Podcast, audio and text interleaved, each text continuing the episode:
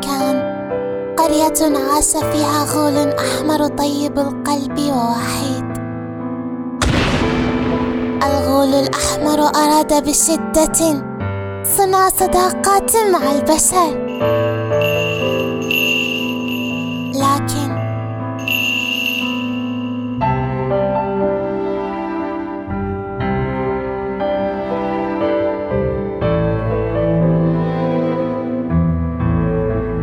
البشر كانوا يخافون الغول الأحمر ويفرون منه.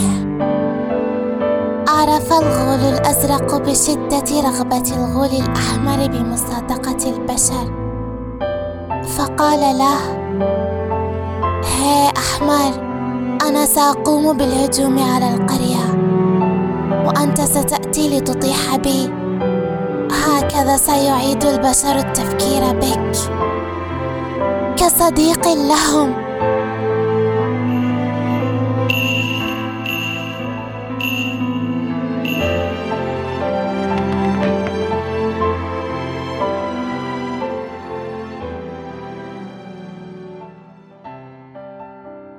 غول أحمر يبكي.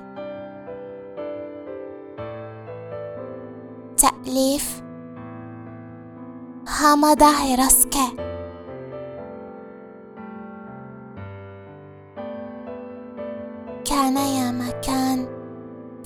إحدى القرى. عاش غول أحمر طيب القلب وحيدا بين الجبال. لطالما أراد الغول الأحمر أن يتماشى مع البشر فعلق إعلانا على باب منزله مكتوب فيه أنا غول طيب طيب القلب تفضلوا بزيارتي. الكل مرحب به. يوجد حلويات لذيذة والشاي مغلي. لكن البشر شككوا في أن أحدا سيأتي لمنزل الغول الأحمر فظلوا مبتعدين عنه. مما جعل الغول الأحمر حزينا جدا لعدم ثقة البشر به. في النهاية غضب وسحب ورقة الإعلان. وبينما كان الغول ملتفا على نفسه وحزين زاره صديقه الغول الأزرق واخبره أنه سيذهب ليهجم على القرية. حينها يجب على الغول الأحمر التدخل لهزيمته أمام القرويين. اعتقد الغول الأزرق أن هذه الخطة ستغير رأي البشر. حينها سيعرفون أن الغول الأحمر غول لطيف.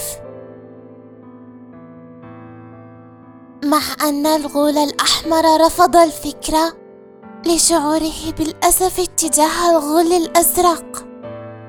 لكن الغول الأزرق أخذه قصرا إلى القرية. وبدأ تنفيذ الخطة. ثار الغول الأزرق على القرويين مع حرصه على ألا يؤذيهم. تدخل الغول الأحمر. متظاهرا بهزيمته للغول الازرق تظاهر الغول الازرق بالإنهزام وفر.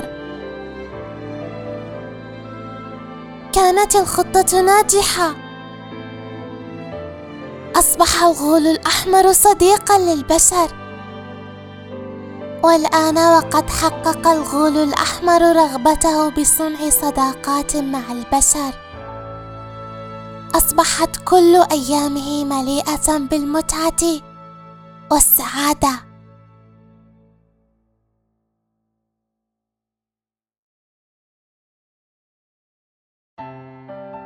مع ذلك كان لدى الغول الأحمر شيء واحد يدعوه للقلق.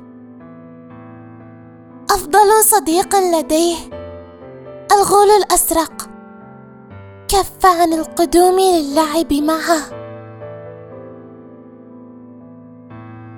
بفضل الغول الأزرق تمكن من صنع صداقة مع البشر.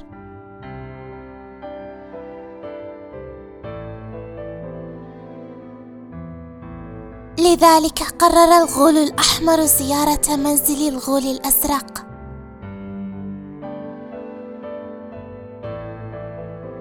عبر الغول الأحمر جبالا ووديانا وأخيرا وصل لمنزل الغول الأزرق.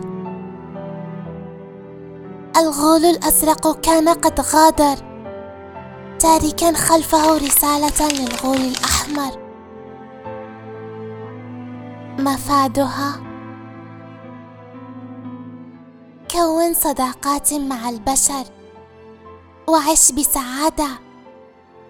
إن عدنا للقاء بعضنا مجددا ثم شاهدنا البشر معا. سيعتقدون أنك غول سيء ويفقدون ثقتهم بك ويتخلون عنك. لكنني لن أنساك ابدا. وداعا. اعتني بنفسك. فأنا صديقك إلى الأبد. الغول الأزرق كان قد ارتحل بعيدا. تاركا الغول الأحمر دون أن ينبس ببنت شفق قرأ الغول الأحمر الرسالة عدة مرات بصمت. وهو يقتل دموعا ترفرف في عينيه.